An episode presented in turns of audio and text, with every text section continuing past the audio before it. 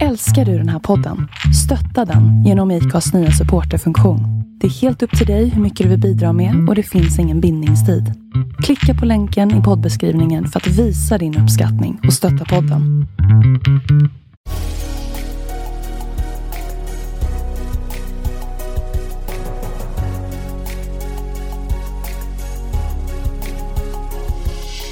Välkommen till podden Vart är vi på väg?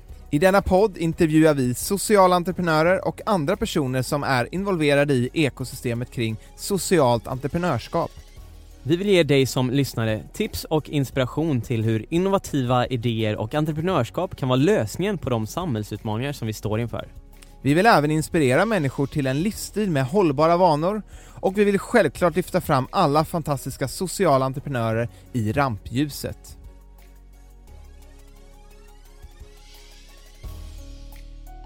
Välkomna till dagens avsnitt av podden Vart är vi på väg? Vi har haft den stora äran idag att få ha med oss Golnash Hashemzadeh Bonde som är författare och eh, har grundat organisationen Inkludera. Golnash kom till Sverige med sin familj som treåring från Iran.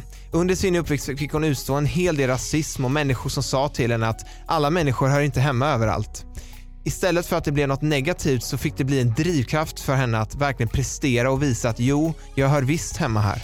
Ja, den här drivkraften ledde henne till att börja plugga på Handels där hon var en toppresterande elev och hon ville bli kårordförande, vilket hon också blev. Hon kampanjade på temat eh, mångfald och hon blev den första utlandsfödda personen och den sjätte kvinnan i skolans historia att bli kårordförande. Efter tiden på Handel så flyttade hon till USA där hon läste sin master på Columbia University. Eh, och hon hade under den här tiden ett internship på McKinsey som är ett stort eh, konsultbolag där hon också blev erbjuden ett jobb sen. Men hon satt där med erbjudandet framför sig och en tryggad framtid. Men hon valde faktiskt att tacka nej till det på grund av att hon ville skapa en reell förändring för människor. Och hon kände att jag vill hjälpa organisationer som på något sätt jobbar med integration och mångfald att lyckas eh, faktiskt bygga sina verksamheter och då var det väldigt nytt. Så Inkludera som hon driver idag hjälper ideella organisationer att bli mer professionella och finansiellt hållbara genom att sälja sina produkter och tjänster till offentlig sektor. Så mer om det här och mer om Golnars och deras företag Inkludera får vi höra i detta avsnitt. Nu kör vi! Det gör vi, häng med! Ja, då är det fredag igen. Och fredag brukar ju för oss Jon betyda att vi får träffa massa spännande människor här. Och spela in podd. Det är ju underbart. Ja, jag, jag har ju alltid sagt att jag är ganska oallmänbildad men man blir ju mer och mer allmänbildad för varje fredag man sitter här. Ja, jag jag har verkligen märkt det. Du har stigit som en raket. Du tycker det? Ja. Nej, då. Eh, och vi sitter här idag igen på Clarion Sign i Stockholm i poddstudion och med oss idag har vi Golnas från Inkludera. Välkommen hit. Ja, tack så mycket. Fint att vara här. Hur är läget? Det är bra tack. Det är bra. Uh, spring i benen. Ja, du har en son du ska hem till här i eftermiddag också. Ja men precis, jag har en liten ettåring som nyligen börjat förskolan uh, och det gör mina dagar kortare och oändligt mer effektiva. Men det är ganska kul har jag märkt för det blir sånt himla fokus mm. på att göra det som ja, skapar mest värde och är viktigt. Mm. Um, så jag tycker faktiskt att det är ganska nyttigt. Inkludera som du jobbar med, Eh, vad gör ni kortfattat i, i er verksamhet? Vi gör nya idéer eller sociala innovationer eh, till nationella lösningar. Och det sker i samarbete med eh, sociala entreprenörer som har utvecklat idéerna eh, och kommuner och stadsdelar runt om i Sverige som eh, köper in och integrerar de här idéerna i sitt eh, arbete med mm. utsatta målgrupper. Så ni hjälper dem liksom att få lite fart under vingarna kan man säga? Mycket fart. Ja, mycket fart. det är bra. Och om man då tittar lite på hur en dag för dig ser ut idag, hur, hur ser veckorna ut? Liksom? Generellt så brukar jag, när jag kommer in till kontoret, sitta med mina medarbetare. Eh, var och en är ansvarig för liksom något av våra huvudområden och driver det. Eh, och, och, det tror jag som sagt väldigt mycket på, att ansvaret inte ligger hos mig, men då, särskilt när vi ska utveckla nya ben, som nu utvecklar vi till exempel vårt påverkansarbete mot kommuner och offentlig sektor, eller vi eh, tittar på hur vi kan skapa utbildningar av alla våra erfarenheter och hur vi ska sprida det och så. Då är jag ju väldigt mycket med i eh, att liksom, ja, men, utveckla de här nya benen vidare. Så då brukar det vara att ja, men, touch base om vad som har hänt, vilka frågor som har uppstått um, och var det finns osäkerhet. Och ofta är det där jag behöver komma in, uh, när någon inte riktigt vet, någon inte vet vilket beslut som ska fattas. Då är det liksom lättare om jag kommer in och eh, reder ut det så att säga. Um, så jag sitter mycket med mina medarbetare då uh, kring utveckling framför allt. Jag sitter inte jätteofta med våra organisationer eh, om inte de är på väg in i nya skeden där man behöver tänka nytt. Yes, om man går in på, på dig då. Eh, vem är du och hur har din uppväxt sett ut? Vem är du? ja, den som visste det. Eh, jag eh, kom till Sverige som treåring från Iran. Där mina föräldrar var politiskt aktiva. Eh, och eh, det var också huvudanledningen till att de flydde. Um, och så när vi eh, kom till Sverige så var de de värderade Sverige väldigt högt. Alltså de värderade rättvisa. De värderade demokrati, äh, frihet, frihet mer än någonting annat. Um, och jag fick liksom tidigt lära mig uh, hur stort det var att vara fri. Uh, hur stort det var att ha rättigheter. Men också hur stort det var att ha möjligheter. Eh, så det här har ju liksom alltid funnits med, att inte ta det vi har här för givet, utan se storheten i det. Så det har alltid funnits. Eh, sen så växte jag upp i Gustavsberg, eh, som då i mitten på 80-talet var ehm, Alltså vi var de första utomeuropeiska personerna som kom dit. Um, och uh, jag växte upp med väldigt mycket rasism. Uh, på olika nivåer som jag liksom um, som blev som en del av min vardag om man säger så. Och vad var det liksom man, eftersom att ni var de första som kom då, vad mm. var det för typ av liksom eh, vad säger man, liksom krockar som blev då från de som, var, ja, som bodde att, i Sverige då? Jag tror att det handlar mycket om att man liksom inte förstod varför vi var här. Mm. Om man ska förenkla det lite så. För Gustavsberg är också en fabriksstad. Så det fanns ju mycket men, människor från Finland, eller Italien eller Grekland så som hade kommit för att jobba i fabriken. Eh, men vi kom ju av något annat skäl och liksom, vad var det? Och vad skulle vi hit och göra? Det tror jag var så en del, bara att man inte förstod. Um, så det var, det var liksom inte så jättemycket så här kulturkrockar och så skulle jag säga. Jag är ju mycket ute och pratar, för jag är författare också, och skrivit mm. romaner. Jag är mycket och prat, ut, ute och pratar om de här erfarenheterna. Och, um, om man ska ta liksom det som händer idag, det Kompis Sverige jobbar med, det är ju väldigt långt ifrån det jag upplevde. Mina föräldrar, det var ju ingen tid innan de var i arbete eller pratade svenska. Det var liksom andra förhållanden. Um, så det var inte den typen av aspekter, utan det var nog mer bara att, det var men, att vi såg annorlunda ut och uh, man inte förstod. Så. Um, men hur formade det din liksom, skolgång där i första åren och när du, ja, du kom in redan in på dagis och förskolenivå i Sverige? Ja, men... ja um, det var ju väldigt intressant. Jag brukar säga att jag ser det som en rikedom, men jag hoppas att det aldrig händer något annat barn. Mm. Um, jag fick ju väldigt tidigt höra att, jag menar att uh, svenskan inte var mitt språk till exempel. Och jag var ju väldigt duktig i skolan, för det var ju liksom någonting som mina föräldrar piskade på väldigt mycket. Eh, men då var det lite så här att ah, men du ska inte tro att liksom, bara för att du kan svaret, svaren på proven så eh, Eh, kommer inte du få högsta betyg i svenska för det är inte ditt språk. Eller liksom att du hör inte riktigt hemma här. Och sånt, det, det, var, det var en del av bara miljön. Um, men det tror jag lärde mig mycket om hur, uh, hur liksom mekanismerna ser ut lite. Um, när man är rädd för vissa grupper eller bara inte förstår vilken nytta de kan skapa. Eller så. Just de här utanförskapsskapande mekanismerna. Um, så hur det påverkade mig, det var ju bara ren så här, jag kan visst och det kommer du få se. Mm. um, Kom du snabbt in med bra vänner och sådär som kunde hjälpa dig eller hur såg det ut? Liksom? Alltså jag hade väl bara en, en väldig sån eh, kämpaglöd. Alltså jag tror att det var mycket att jag just ville bevisa att jag visst förtjänade min plats i Sverige eh, som människa. Så. Um, så jag var ju väldigt, väldigt duktig.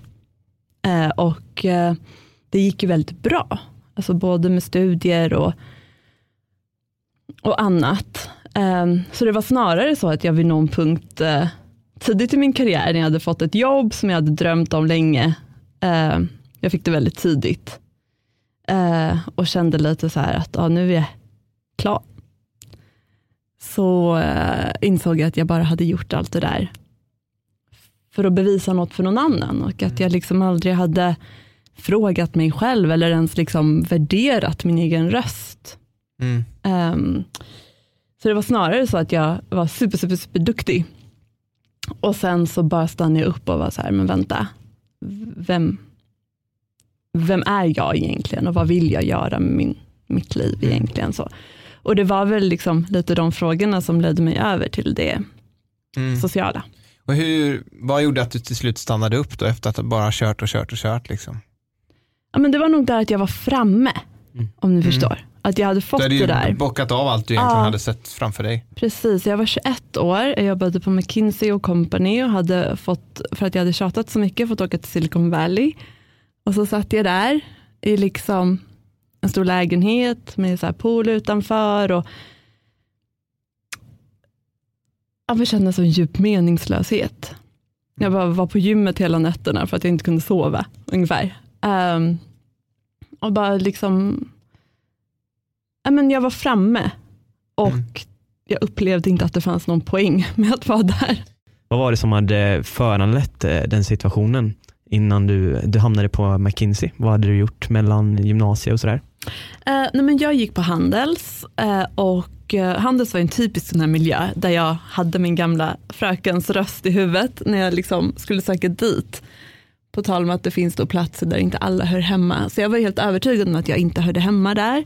Eh, men det var lite därför jag ändå ville göra det, lite som ett socialt projekt. Och det här kom ganska sent på gymnasiet. Jag tänkte att jag skulle bli läkare och det var liksom ganska självklart att jag skulle bli läkare väldigt länge. Men jag kände att jag, jag verkligen behövde och jag tror att det kanske är det här äh, liksom, det entreprenöriella på något sätt. Att jag behövde liksom få testa det som var utanför ramen och se vad jag kunde göra med det. Jag tyckte att det var hemskt ungefär första månaden, jag kom hem gråtande varje dag.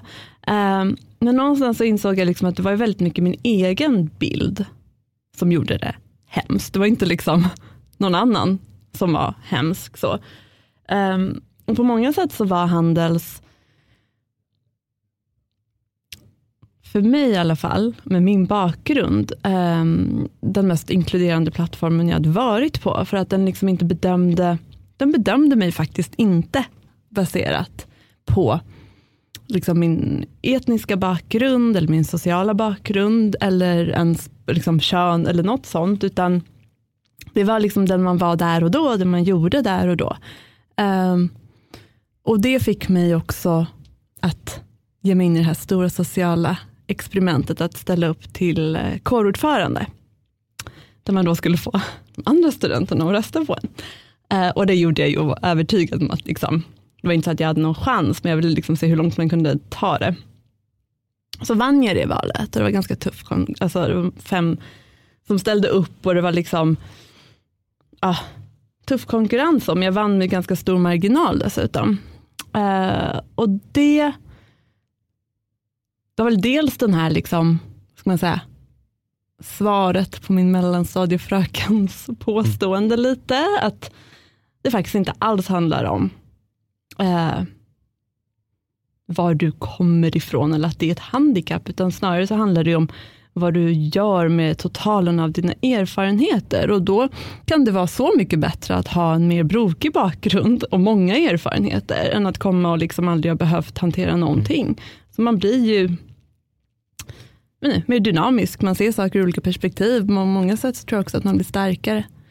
Eh, men ja, så den, eh, att vara kårordförande på Handels öppnade ju också väldigt många dörrar. Jag fick väldigt mycket uppmärksamhet, för jag var ju liksom den första utomeuropeiska, eller utom svenska personen ever som hade blivit vald till den här rollen. Och I skolans då hundraåriga historia var jag typ den sjätte kvinnan. Och, så. Eh, och då var det ju plötsligt liksom väldigt intressant för många att få in mig på ett hörn. Så. Så det uppstod många mm. möjligheter. Hur eh, kampanjade du under den här tiden? För att... Jag kampanjade för mångfald ja. faktiskt. Och det här var 2004. Så det var liksom, det var inte ett självklart ord. Men för mig så handlade det väldigt mycket om att eh, om man inte har en miljö, om man, har, om man bygger en miljö där folk tror att de inte hör hemma, då förlorar man också möjligheten att rekrytera de allra vassaste. Mm. För att då blir de läkare och ingenjörer så. Um, för att det är det de har liksom också kanske med sig kulturellt från sina hem och så. Och jag mötte ju väldigt mycket som kårordförande så var det ju många, särskilt um, när det kom nya studenter, men många med utländsk bakgrund, många kvinnor som sökte upp mig och liksom lite frågade så här, hur gör du det här? För det mm. är svårt. Um, att det var svårt att känna att man hörde hemma. Så. Um, och där tror jag, ah, det, tyckte jag var knivigt, för jag tror att jag har varit en ganska, mycket har liksom runnit av mig, eller jag har kanske gjort, jag har omsatt mycket till framåtkraft. Men um, det är klart att det också för många kan bara bli för mycket. Mm. Att hela tiden behöva bevisa sig sådär. Uh, men det, jag tror att det var lite det som hände sen under den här McKinsey-tiden och så att återigen, när jag liksom var framme, att jag också kände att alltså fan, ska man behöva jobba så hårt? Alltså, för ska man behöva ta i så hårt? Är, är det verkligen meningen? Liksom? Eh, och även om jag har gjort det, eller hade gjort det, är det liksom, borde det vara så? Att vissa måste kämpa så mycket. Hur kom du sen in på det här med författarskapet? När kom det in i bilden? Ja, men det kom in ganska snabbt på, för det hade ju varit min dröm från början. Ehm, så ehm, Det var ju liksom min första på något sätt. så att, att eh, Den första delen i att inte trycka undan den jag själv var. Så det kom, det bestämde jag mig för att jag skulle göra ganska tidigt. Um, var det i samband med det här McKinsey-jobbet och den situationen? Ja, alltså det, det, tog väl liksom några år innan jag hade ja, men kommit ur den och landat och så på ett så här rimligt sätt. Men eh, det var definitivt en följd av, av det. Eh, och det var egentligen så att jag eh, höll på att skriva, för jag bestämde mig för att liksom avsätta tid till att få göra det och se om jag hade någon författare i mig eller inte. Eh, och sen så behövde jag ju också tjäna pengar vid sidan av det för att kunna försörja det. Och då gjorde jag olika typer av eh, men som frilanskonsultuppdrag. Bland annat ett uppdrag som rörde mm, mikrofinans eh, och som förde mig till Nairobi. Eh, där jag tillbringade lite tid i de här stora slumområdena och fick möta då både, både mikrofinansinstitutionerna men framförallt då deras kunder Eh, och det var den professionellt liksom härligaste erfarenheten jag någonsin hade haft. Eh, för att förändringskraften var så stor och hoppet var så stort. Eh, och det var så många det var så många som vittnade så stolt om den förändring som de själva hade kunnat liksom bedriva, de affärsverksamheter de hade kunnat sätta igång, som hade förändrat livet för hela deras familjer. Um, och det var egentligen första gången som jag mötte socialt entreprenörskap då överhuvudtaget. Och det här var 2010. Um, ehm, så då hände tre saker kan man säga, som man så här i efterhand kan sätta ihop jag hade varit i Nairobi den sommaren. I september hade vi riksdagsval i Sverige och Sverigedemokraterna kom in i riksdagen. Eh, vilket för mig med min bakgrund och liksom stora tilltro till eh, Sveriges demokratiska krafter var läskigt. Men också tecken på att det här Sverige som jag så länge hade älskat så högt inte mådde helt bra. Att det fanns stora grupper som upplevde sig utanför. Eller liksom felbehandlade. Och sen så hade jag en dialog med en man som jag hade lärt känna som kårordförande på Handels. Han satt i styrelsen eh, där och det gjorde jag också under två år.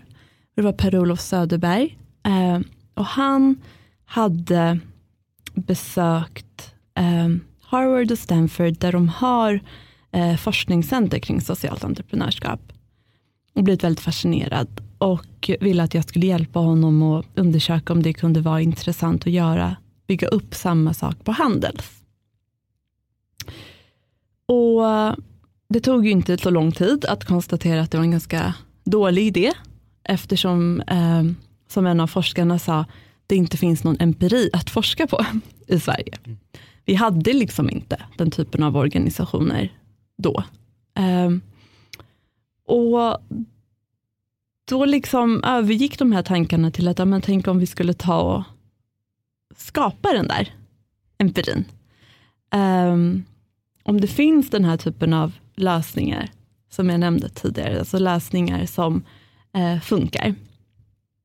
Eh, vad kan man göra med dem för att de ska växa, för att de ska överleva över tid och så vidare. Um, och liksom hur långt kan vi ta det sociala entreprenörskapet på liksom gräsrotsnivå? Hur långt kan vi bidra till att professionalisera den här sektorn i Sverige?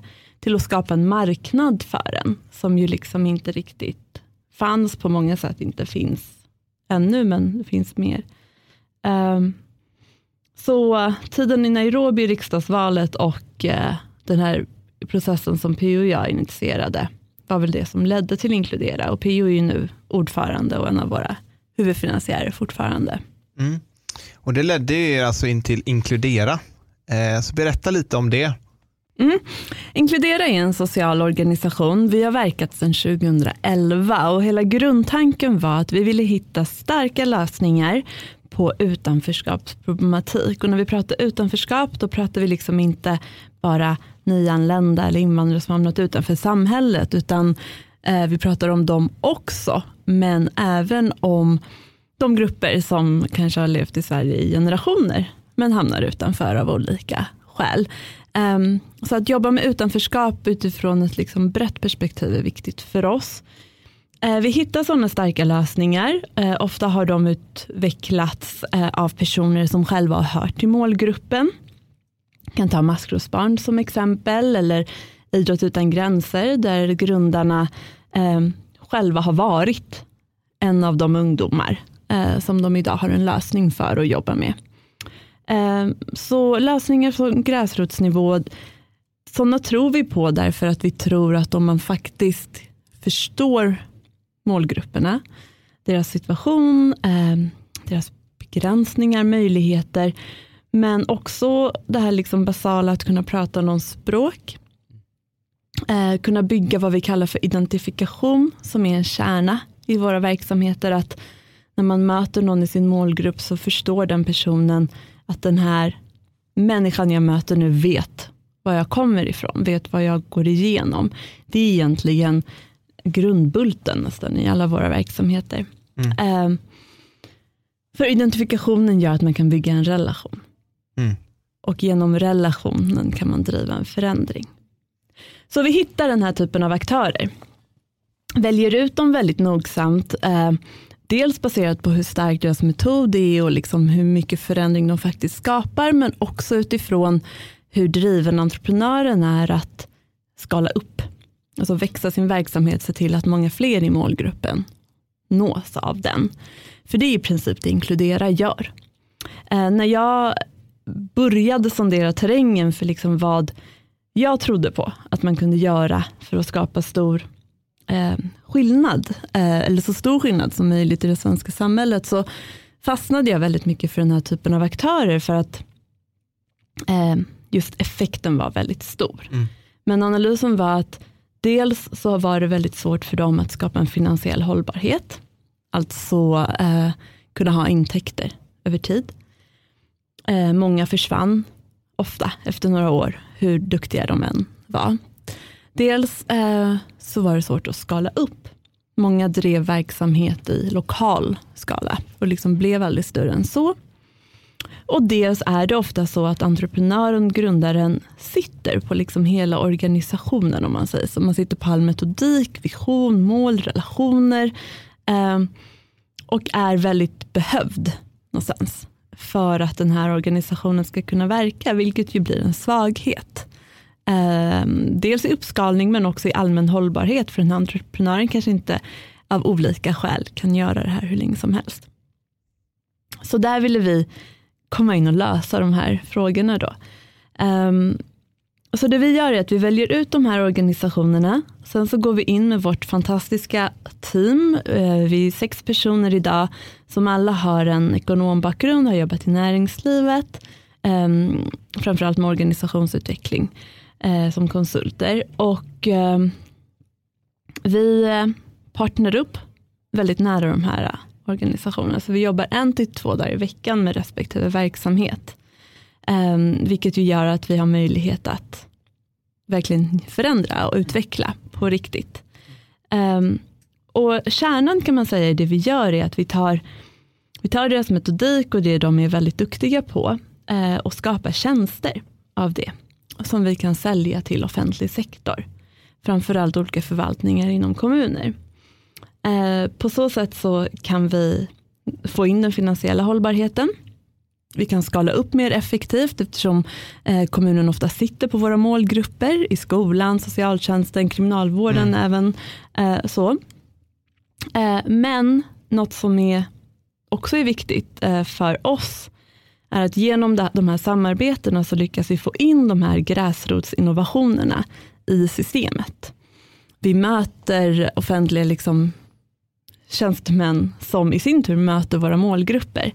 Och genom att öka deras förståelse för målgruppernas behov och situation så eh, förändrar vi också sättet som de bemöts av eh, från andra än oss om man säger så. Mm. Så den här systemförändrande biten är väldigt viktig för oss. Det här handelsprojektet där ni utforskade möjligheten att starta ett sånt här center som fanns vid Harvard och Stanford bland annat eh, fallerade lite. Ni kom till någon eh, dead end och det blev senare inkludera. Hur, hur såg det, den processen ut? Ja, alltså, jag var ju aldrig särskilt tänd på det här med ett forskningscenter utan det, det hjälpte jag ju mer PO så att göra. Men eh, när vi insåg, vilket vi gjorde snabbt, att det här inte var vägen att gå, då frågade han mig, så här, men vad, vad, ska jag göra? Om jag vill bidra till det här, vad ska jag göra då? Um, och det är väldigt tacksamt till att han frågade för det gjorde att jag hade anledning att träffa väldigt mycket olika aktörer. Jag träffade stora organisationer, liksom politiker, forskare, journalister. Um, för att bara försöka skapa en bild av hur man skapar, um, vilken väg man ska gå för att skapa så stor reell förändring som möjligt. För det var ju den jag var ute efter. Um, och I den här processen så hade jag den enorma turen och förmånen att även få träffa organisationer som drevs av väldigt starka grundare Ehm, som ofta då själva kom från målgruppen. Ehm, det var små organisationer som skapade stor förändring i sina målgrupper och kunde påvisa på det. Ehm, det som var utmaningen för den här typen av organisationer var att de ja, men, inte kunde få ihop en långsiktig finansiering, inte kunde växa och så vidare. Och där kände ju både PO och jag att med med vår bakgrund och han har jobbat med att stötta entreprenörer under väldigt många år, så fanns det liksom en möjlighet för oss att komma in och komplettera de här aktörerna. Det som var viktigt från början var ju liksom att deras metodik och det de gör med målgrupperna, det rör inte vi vid. För det kan inte vi. Och vi vill inte liksom låtsas kunna eller försöka liksom förbättra något som vi förmodligen bara skulle förvärra. Utan det är egentligen det vi väljer ut organisationerna på. Att det finns en väldigt stark metodik. Eh, så de bär den eh, och vi kommer med då de här verktygen från den mer affärsmässiga världen. Hur såg det ut där i början då? Var det du själv som eh, drog igång detta? Mm. Och hur, hur lång tid tog det innan det tog fart Ja. och att ni hade eran, ert sätt att jobba liksom? Ja, då var det bara jag och så hade vi en budget och då hade vi också en föreställning om att det var bra om vi också kunde ge en viss finansiering till de här organisationerna som vi tog in. Men så tog det ungefär ett halvår innan jag insåg att det arbete som jag gjorde med organisationerna hade möjlighet att skapa så mycket mer pengar än vår lilla budget bestod av. Och att det bästa vi kunde göra var att istället själva bygga en organisation som eh, kunde bygga erfarenhet och know-how kring hur man skalar upp sociala innovationer eh, och hur man skapar en marknad för dem. Eh, så vi slutade ge pengar ganska snabbt. Men sen var ju frågan, ja, men hur gör vi det här på ett hållbart och systematiskt sätt? Ska jag sitta liksom organisation för organisation och försöka komma på vad är det vi ska hitta på? Ska vi komma på någon så här sidoprodukt de kan sälja till privatpersoner? Alltså så här, vad, vad menar vi med hållbarhet här?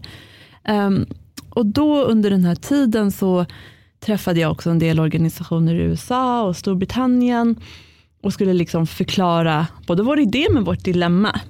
Och de var ju lite förvånade över dilemmat då. Ehm, för i deras värld, som om man var en effektiv social organisation så fanns det ju filantropiska medel att få för att kunna fortsätta verka och det kunde man göra i 20, 50, 80 år. Så. Ehm, och när jag skulle förklara varför det inte finns en filantropisk marknad i Sverige så kommer man ju alltid in på då höga skatter och stort offentligt system och att ansvaret ligger där och så. Så någonstans i de här dialogerna så började jag tänka att men vänta om det, om det är där de här pengarna sitter, om det är där det här ansvaret sitter Um, och vi jobbar med organisationer som har starka lösningar på de mest akuta sociala problemen, då borde vi kunna sälja till kommuner. Mm. Eh, för de har ansvar för de här frågorna och de har folkets pengar för att lösa de här frågorna. Så där, där föddes den strategin och det var kanske ja, men det var under 2012 så då kanske jag hade hållit på ett år. Um, och då när jag hade kläckt det då kändes det liksom naturligt att sätta ihop ett team för då visste jag också vad jag behövde.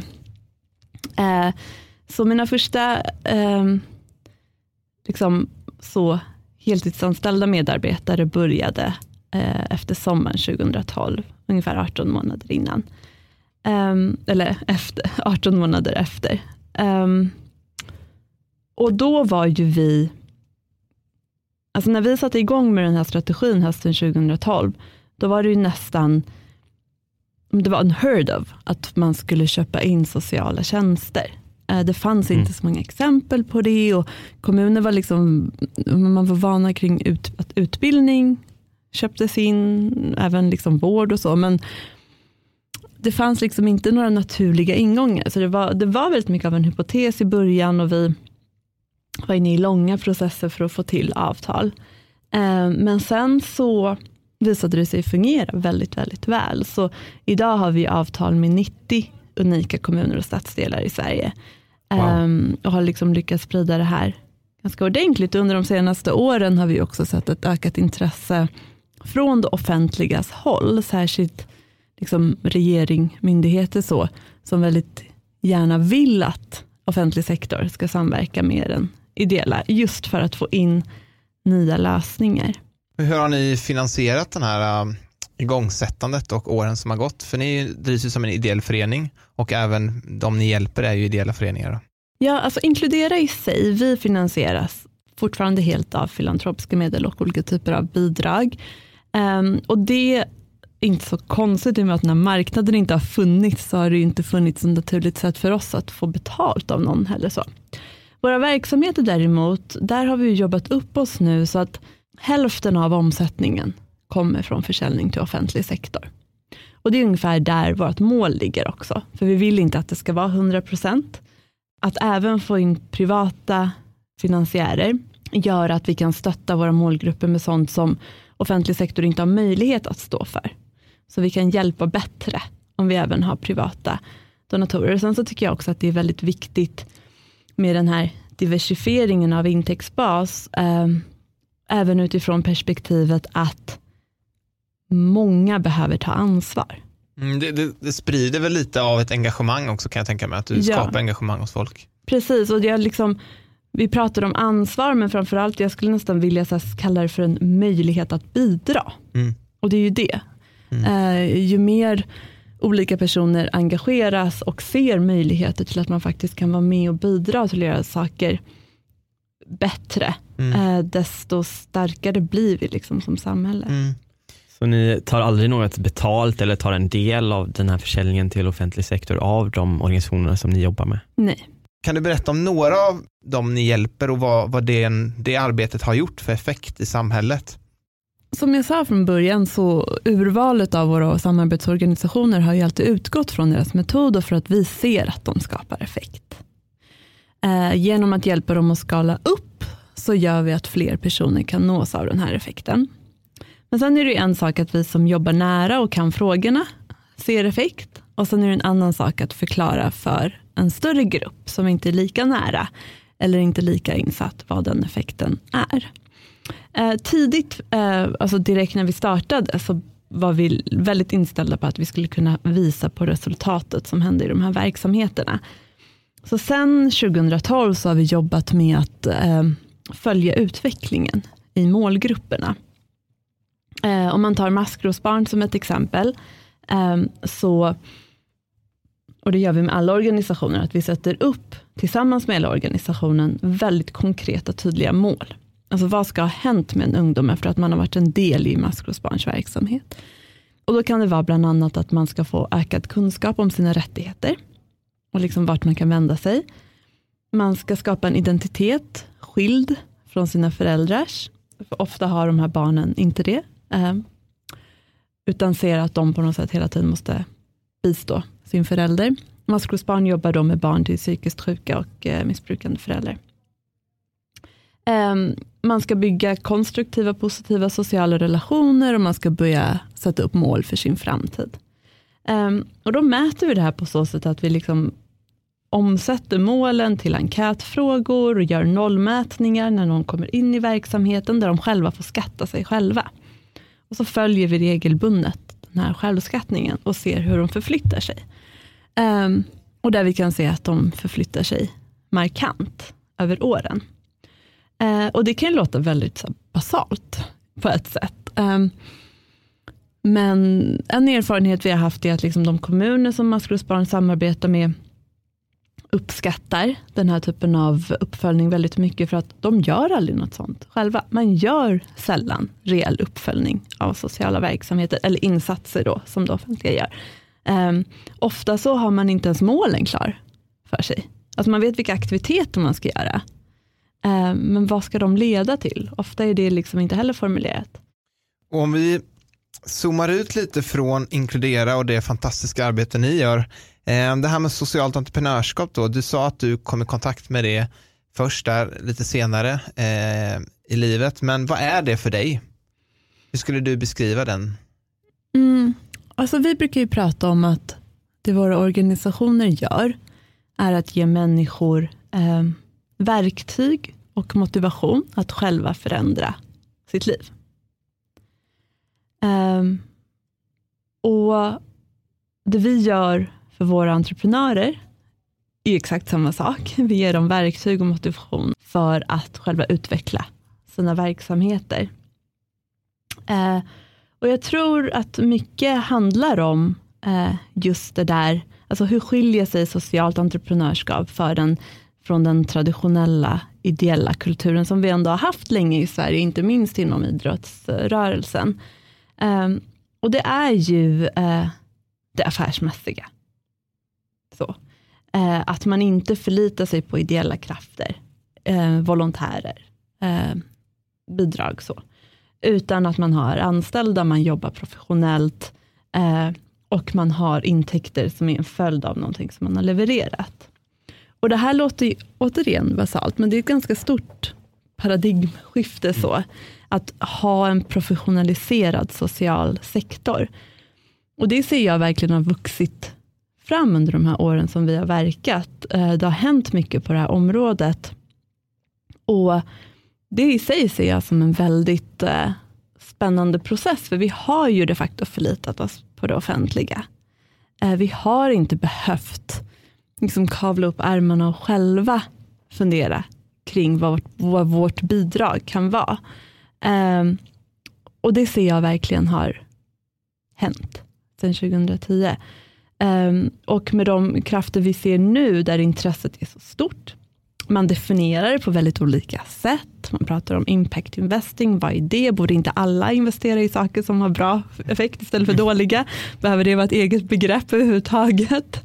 Um, vad, vilka metoder kan lösa vilka problem?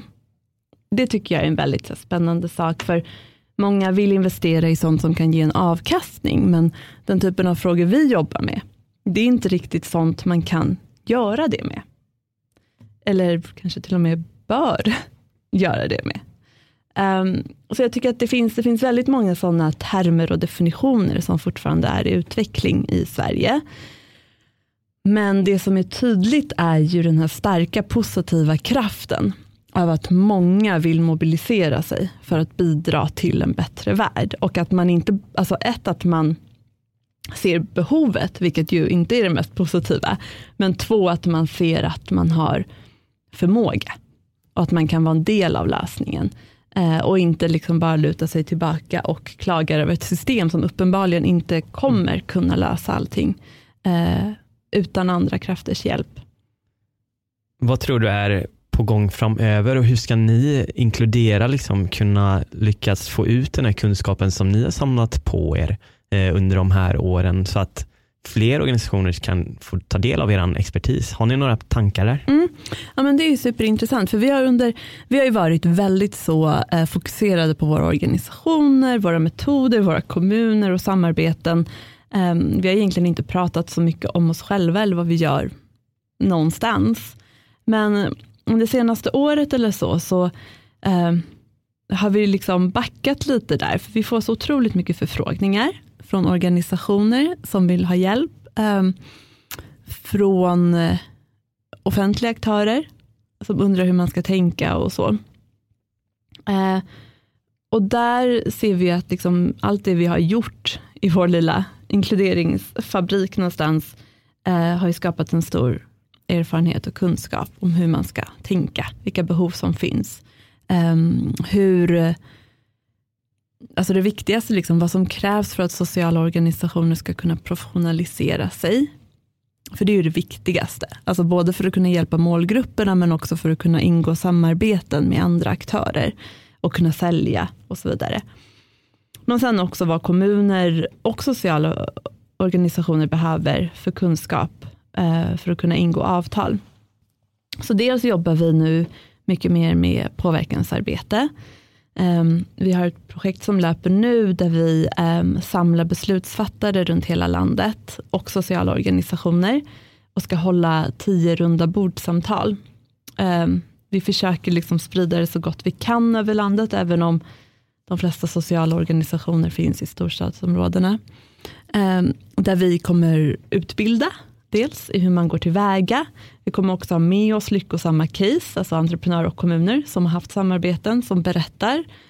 Eh, och sen sätta igång eh, tankarna hos deltagarna kring vad de själva kan göra. Och målet där är att öka kunskap, motivation och mod hos offentlig sektor för att ingå samarbeten, men också att få sociala organisationer att förstå vad man faktiskt behöver ha för nivå för att kunna leverera på det. Så påverkansarbetet eh, försöker vi göra på ett strukturerat sätt för att nå ut brett. Eh, men sen så tittar vi nu också på hur vi kan eh, hur vi själva då kan paketera ner eh, våra erfarenheter i, ja, vi håller på att ta fram utbildningspaket nu, eh, som man kan hålla för större grupper av sociala organisationer. Ehm, vi tittar på hur man kan gå in och göra en mindre insats under en begränsad liksom, tid i specifika större organisationer. För det stora behovet som liksom fortfarande finns, det är ju att de här organisationerna som jobbar närmast målgrupperna um, och som har den där liksom, kompetensen och metoden som är så skarp, får de här andra verktygen. Um, så att de kan överleva, så att de kan nå många fler. Det behovet finns ju fortfarande där ute och vi har ju bara löst det för de organisationer vi kan ta in och jobba med. Eh, så det viktigaste för mig det är att vi lyckas nå ut till eh, de här gräsrotsorganisationerna eh, och på ett liksom enkelt sätt höj, kan höja lägstanivån om man säger så. De här samtalen ni har, kan man vara med på dem? Om det är någon från offentlig sektor till exempel som sitter och lyssnar på det här. Absolut, det kan man. Vi håller på och liksom sonderar och ser vilka vi ska bjuda in, men vi, det är bara att höra av sig till mm. oss, info.inkludera.se. Både om man är offentlig beslutsfattare, men också om man är social organisation eh, ute i landet, som antingen har sådana samarbeten eller skulle vilja ha och vill liksom lära sig mer. Jag tänkte gå in i lite avslutning här av vårt samtal och vi har en fråga som eh, återkommer i alla våra intervjuer egentligen som vi ställer och det handlar om om vi blickar lite större på världen. Hur tror du att eh, världen kommer se ut om tio år? Kommer vi att ha löst mycket av det som vi står inför idag av problematik eller kommer vi ha ännu mer att eh, ta tag i? Gud, vilken stor fråga. Alltså jag tror definitivt att vi kommer ha mycket problematik. Om man tittar bara på liksom det som händer just nu eh, i termer av eh, nya konflikter, nya människor som måste lämna sina hem och så vidare. Jag tror inte att det kommer avta.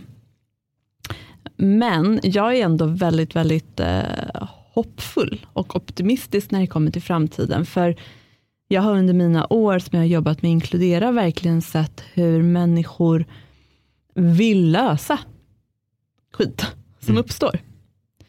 Eh, och kan lösa. Eh, och jag tycker också mig ha sett att ju större problem som uppstår eller ju mer vi får höra om problemen, desto fler personer ställer sig upp och vill göra någonting. Um, så e ena sidan kan man titta på allt som går åt helvete, men å andra sidan ser jag ju alla de som reser sig upp för att eh, väga tillbaks liksom den jämvikten. Um, och det, det vill jag ändå tro. Så lite sammanfattningsvis kan man säga att du, du tror att problemen kanske ökar eller kommer öka på sina sätt, men det finns också en större kraft än någonsin att göra någonting åt problemen. Att man inte bara sitter och konstaterar utan det finns fler som vill. Mm. Och du ser, för det är ändå min bild också att jag ser samhället som en plats där folk vill börja lösa problem. Ja. Det finns en driv av det, det finns en kan man säga fräschhet i att faktiskt jobba med sådana här frågor. Det är inte som du säger bara eldsjälar, de behövs också eh, ute i landet i olika organisationer men det finns också ett annat segment av människor vill göra gott. Man ja. vill lägga sina liv på det, sina ja. jobb på det. Eh, och det är väl det positiva skulle jag säga. Absolut, alltså när jag eh, berättade för folk vad jag skulle göra 2011 mm. så var de ju så här, va? Ett, vad fan är en social entreprenör? Ursäkta att jag svär så mycket. Eh, två, varför ska du slösa ditt liv på det här? Ungefär. Eh, idag skulle ju ingen se det på det sättet. Utan liksom de krafterna som samlas för att försöka lösa, och det kan ju vara på olika nivåer. Och det spelar egentligen ingen roll. Alltså låt oss kalla det för impact investing, låt oss kalla det för liksom vad som helst.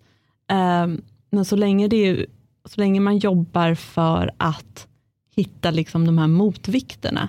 Och där tror jag också, jag menar det faktum att vi vet så mycket mer om allt som händer, uh, tror jag också hjälper. Alltså om man ska se på liksom eh, den goda sidan av sociala medier eller liksom globalisering eller vad man nu vill kalla det, att vi är så mycket mer välinformerade. Vilket gör att man kan inte riktigt sitta och liksom blunda och inte läsa tidningen, utan det är in your face. Och det tror jag också bidrar till att det inte går att bara vara passiv, eller folk inte vill vara mm. passiva när de förstår um, vad som händer. Mm. Och det den mänskliga kraften, och det måste ju ändå vara en liksom, instinkt, eh, den tycker jag är oändligt hoppingivande. Och eh, låt säga att vi kanske inte kan fixa allt, men vi kan göra liksom, den, de negativa effekterna mycket mindre. Tack så jättemycket för det här samtalet. Eh, så inspirerande och eh, lärorikt på många sätt. Eh, Jag vill bara avsluta med att fråga dig om ett socialt företag som du tror på och någon som du skulle vilja se i podden. Ja, men jag skulle vilja tipsa om ehm, Admir Lukasevic som är grundare av Idrott utan gränser, som är den organisation då som jag har jobbat med längst och närmast. De eh, finns nu i över hundra skolor runt om i landet. De jobbar på idrottslektionen i skolan eh, och framförallt i utsatta områden. Eh, och dels så gör de en fantastisk impact, men Admir är också en sån här urentreprenör skulle jag säga. Alltså på tal om att låta saker liksom rinna av och ställa sig upp och springa vidare. Så han har en enorm kraft. Eh, den tror jag skulle vara intressant att ta del av. Kul! Verkligen. Tack så jättemycket för idag. Tack så mycket. Vår podd heter ju Vart är vi på väg och det här känns ju som att vi är på väg mot någonting eh, ljusare och något ljust med det fantastiska jobb som ni gör och eh, vi vill bara önska er stort lycka till med Inkludera framöver. Tack så mycket, tack för att jag fick komma. Tack så mycket för att du har lyssnat på dagens avsnitt. Glöm inte bort att följa oss i sociala medier. Vi finns på Facebook, Instagram och LinkedIn och även vår hemsida vartarvipavag.org. Och om du har möjlighet så får du jättegärna gå in och ratea våran podd på iTunes. Yes, och för dig som vill ta del av podden ytterligare så tycker jag att du ska gå in och signa upp dig för vårt nyhetsbrev där du varje vecka får en liten kort resumé av avsnittet men också de bästa tipsen och de bästa insikterna från gästen som vi har haft med oss. Eh, så om du har varit ute på språng och inte haft möjlighet att anteckna något så gör det ingenting utan du får det på ett mail veckovis. En riktigt bra deal helt enkelt. Så se till att signa upp dig så fort som möjligt så ses vi nästa vecka igen.